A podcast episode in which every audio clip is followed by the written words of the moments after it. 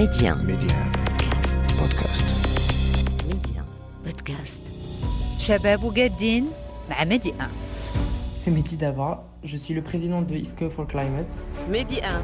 Médien. Médien. Médien. Médien. Alors notre club œuvre depuis 2015 dans l'accent climatique. Euh, vu l'urgence de cette cause et les différents euh, défis liés au changement climatique auxquels fait face euh, notre planète.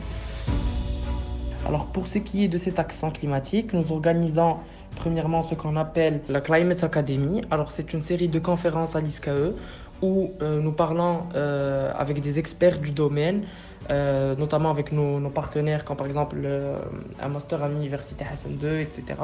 Et plusieurs entreprises qui se soucient de leur environnement. On parle de plusieurs sujets euh, dans le but de sensibiliser notre génération à l'urgence climatique à laquelle euh, nous faisons face. Et aussi, nous transplantons ces conférences et cet événement-là dans des lycées, des, collèges et aussi euh, des orphelinats pour sensibiliser les enfants surtout de cette importante cause. Ainsi, nous organisons des ateliers recyclage à l'ISCA, notre propre centre de recyclage au campus de l'ISCAE. Sans oublier aussi une de nos actions phares et qui est le plugin ou éco-jogging comme euh, d'autres euh, l'appellent. C'est une combinaison entre le jogging à la plage ou à la forêt euh, tout en collectant les déchets euh, dans ces espaces-là. Et puisque nous sommes un club d'action climatique, nous encourageons et nous appelons les, auditeurs de Midi 1 à faire cela aussi et à participer dans cette action parce que c'est très important pour faire face aux défis de changement climatique.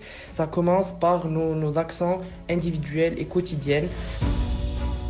Et puis aussi, euh, cette année, notre club intègre aussi la justice sociale dans nos grandes orientations, euh, comme par exemple euh, l'égalité hommes-femmes et bien d'autres sujets de justice sociale qui sont eux aussi, comme la cause climatique, nécessitent une sensibilisation et un travail fort de notre génération pour faire face à, à ces derniers.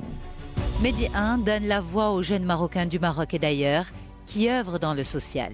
Partagez avec nous votre expérience, vos réalisations, qu'elles soient individuelles ou à travers des clubs d'étudiants. Faites connaître votre action et inspirez votre génération. Contactez-nous sur jeunesse at medi1.com.